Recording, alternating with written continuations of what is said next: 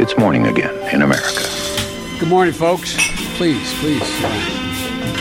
Come on, let's go. Let's go get some coffee. Thank you very much. God morgen. Det er mandag 13. januar. Det er én dag igjen til neste TV-debatt, 21 dager igjen til caucus-valget i Iowa, og morgenkaffen er servert.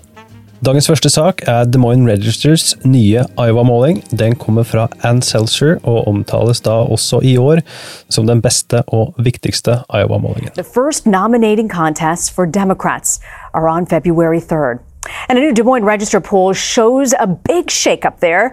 The poll now has Senator Bernie Sanders in the lead with 20% of support. Natt til lørdag kom den siste meningsmålingen før kvalifiseringsfristen til debatten på tirsdag, og i CNN og The Moines Registers måling så leder Bernie Sanders med 20 prosentpoeng, opp 5 prosentpoeng siden forrige måling i november, foran Warren med 17% hun har gått opp 1 prosentpoeng, Buttigieg med 16, gått tilbake hele 9 prosentpoeng, og Joe Biden på 15, som da ligger likt.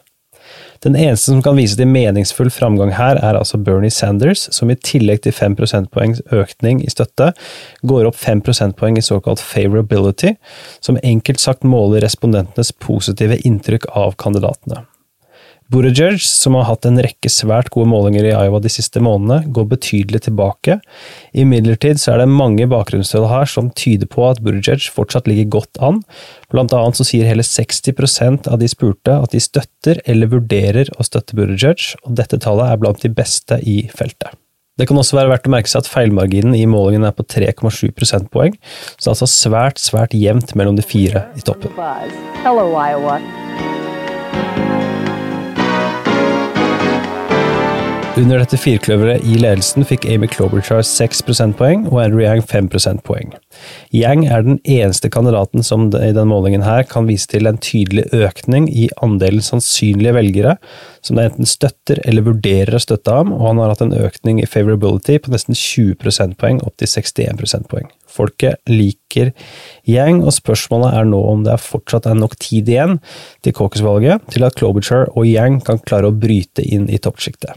Tom Steyer, som vi i forrige uke nevnte at hadde notert seg noen spektakulære tall i Nevada og South Carolina, får kun to prosentpoeng i den målingen her. Det er fortsatt bare fire av ti sannsynlige caucus-velgere som sier at de har bestemt seg for én kandidat, men dette er et hopp fra målingen i november, da bare tre av ti sa det samme. En X-faktor for Iowa-caucuset er at kun kandidater over 15 har sjanse til å få delegater. Akkurat nå er alle i topp fire over den magiske grensen, men nærmere en tredjedel av velgerne i Iowa støtter en kandidat som ikke er det, eller de støtter da foreløpig ingen kandidat. Disse velgerne vil på et caucus-møte bli bedt om å slutte seg til en kandidat som ligger over grensen, og da kan det bli spennende. Vi på amerikanskpolitikk.no tar jo turen dit, og rapporterer derfra, også her i Morgenkaffen.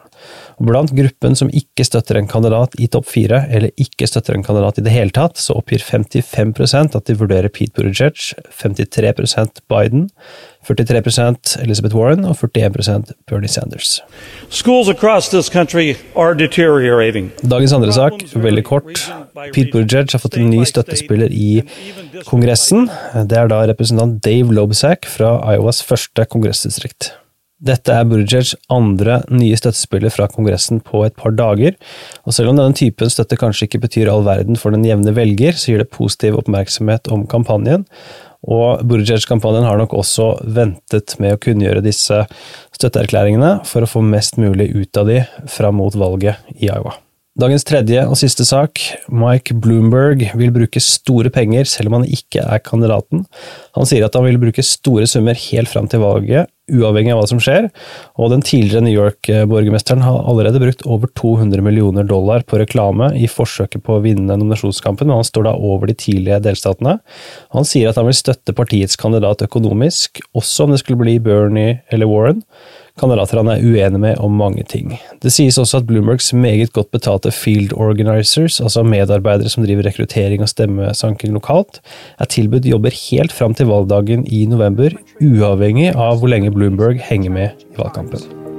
I'm Mike Bloomberg, and I approve this message. Dagens utgave av Morgenkaffen er servert av Sigrid Rege Gårdsvold og undertegnede Are Togflaten. Du finner oss i podkastappen din. Du kan også ha dette som et nyhetsbrev, og så setter vi veldig stor pris på om du tipser andre som følger valget i USA tett, om å sjekke ut podkasten vår.